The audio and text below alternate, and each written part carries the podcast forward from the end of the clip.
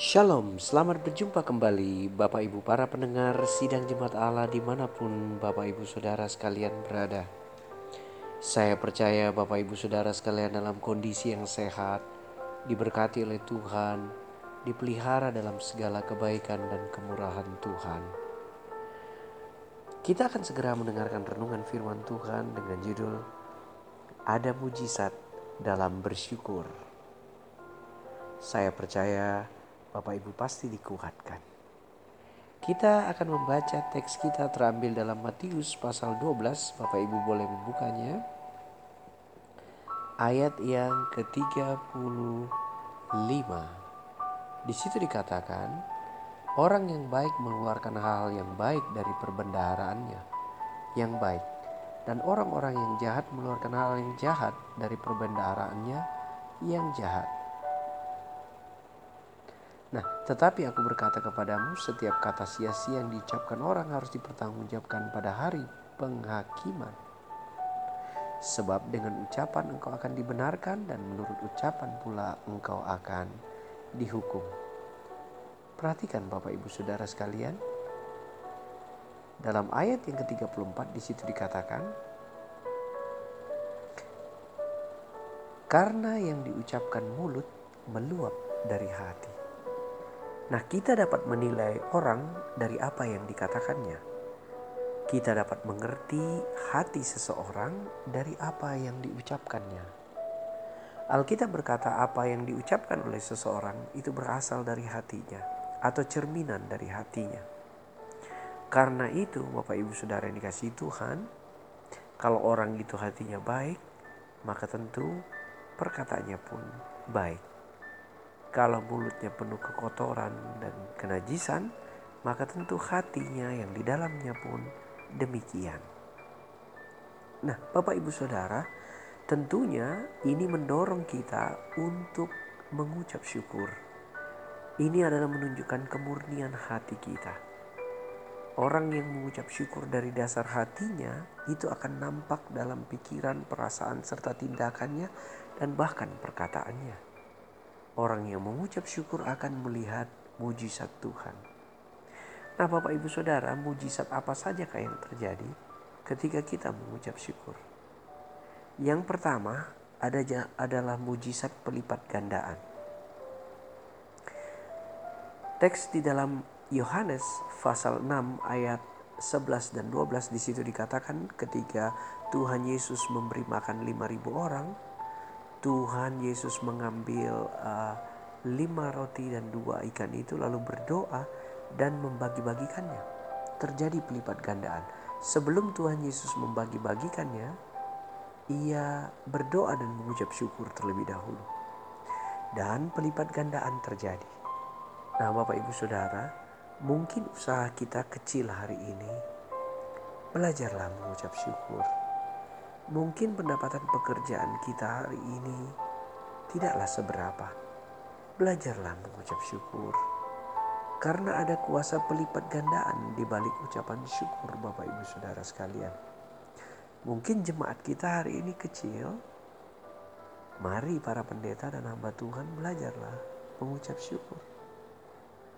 Mungkin pula kita sedang berhadapan dengan usaha yang kecil hari ini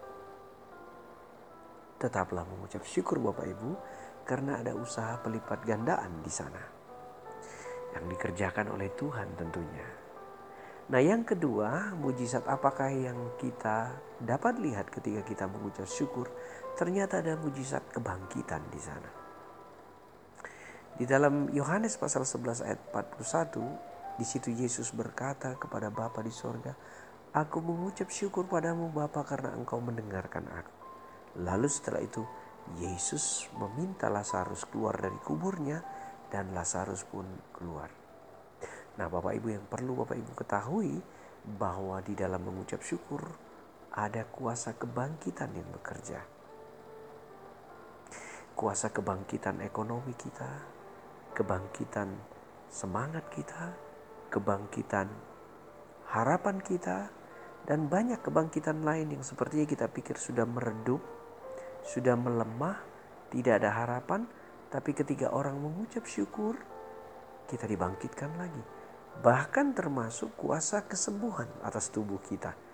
Ketika kita mengucap syukur selalu, kita memberitahu sel-sel tubuh kita bahwa Tuhanlah yang memberi sehat kuat dan panjang umur. Itu sebabnya kita berterima kasih mengucap syukur atas segala kebaikan Tuhan. Nah Bapak Ibu, kuasa kebangkitan itu ada ketika Bapak Ibu belajar mengucap syukur. Nah yang ketiga, kuasa apakah yang dapat kita lihat? Mujizat apakah yang terjadi ketika kita mengucap syukur? Mujizat yang ketiga adalah terjadi kemenangan Bapak Ibu Saudara. Di dalam 2 Tawarik 20 ayat 21 dan 22, Raja Yosafat menempatkan para pemuji di depan barisan tentara dan mereka memuji Tuhan. Mereka berkata, naikkanlah ucapan syukur kepada Tuhan bahwasanya ia baik, kasih setianya untuk selama-lamanya. Dan tahukah Bapak Ibu, musuh yang hendak berperang dan mengepung mereka ternyata lari kocar kacir dan saling berperang satu dengan yang lainnya. Mereka memperoleh kemenangan. Mungkin hari ini kita butuh kemenangan. Mengucap syukurlah. Kemenangan atas apa? Atas persoalan kita, atas masalah kita, atas beban dan tekanan yang mungkin kita hadapi Bapak Ibu Saudara sekalian. Janganlah kecewa, mengucap syukurlah. Nah daripada kita bersungut-sungut menyalahkan Tuhan, menyalahkan suami, istri, anak-anak, dan orang-orang lain di sekitar kita, mari stop. Kita belajar saja mengucap syukur. Saya belum merdeka pak.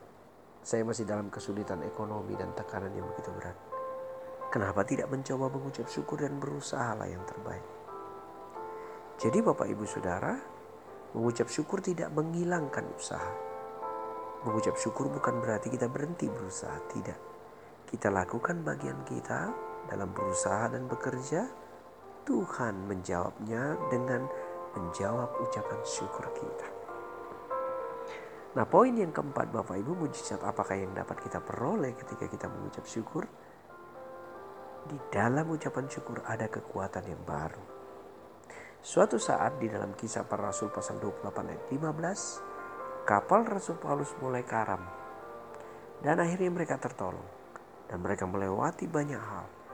Dan mereka sudah hilang pengharapan. Tidak ada satupun dasar untuk berharap lagi. Tetapi anehnya dalam situasi seperti itu Paulus mengucap syukur. Dan Alkitab memberi keterangan bahwa pada saat Paulus mengucap syukur itu ada kekuatan baru yang mengalir dalam hidupnya untuk menghadapi tantangan, cobaan, tekanan, dan permasalahan yang ada di hadapan mereka. Nah, Bapak Ibu Saudara sekalian, ada kekuatan baru ketika kita mengucap syukur. Jadi tidak ada salahnya mulai hari ini kita belajar mengucap syukur Bapak Ibu. Karena kita tahu Tuhan menjawab kita. Itulah sebabnya Tuhan senang mengucap syukur. Tahukah apa arti dari mengucap syukur? Ya, mengucap syukur adalah kita setuju dengan apa pun yang Tuhan sedang rencanakan dalam kehidupan kita. Dan dengan begitu Tuhan senang karena kita ikhlas melewatinya. Kita rela melewatinya. Dan Tuhan menyediakan jalan di sana. Ada pelipat gandaan di sana. Ada kebangkitan di sana. Ada kemenangan di sana. Dan bahkan ada kekuatan baru di sana. Nah mengapa Bapak Ibu tidak mulai saja mengucap syukur hari ini dan rasakanlah pertolongan serta kebaikan Tuhan. Tuhan Yesus memberkati kita Bapak Ibu Saudara sekalian. Biar rahmat, sehat, kuat dan panjang umur menjadi bagian kita. Tuhan menjauhkan kita dari sakit, penyakit, marah, bahaya dan kecelakaan.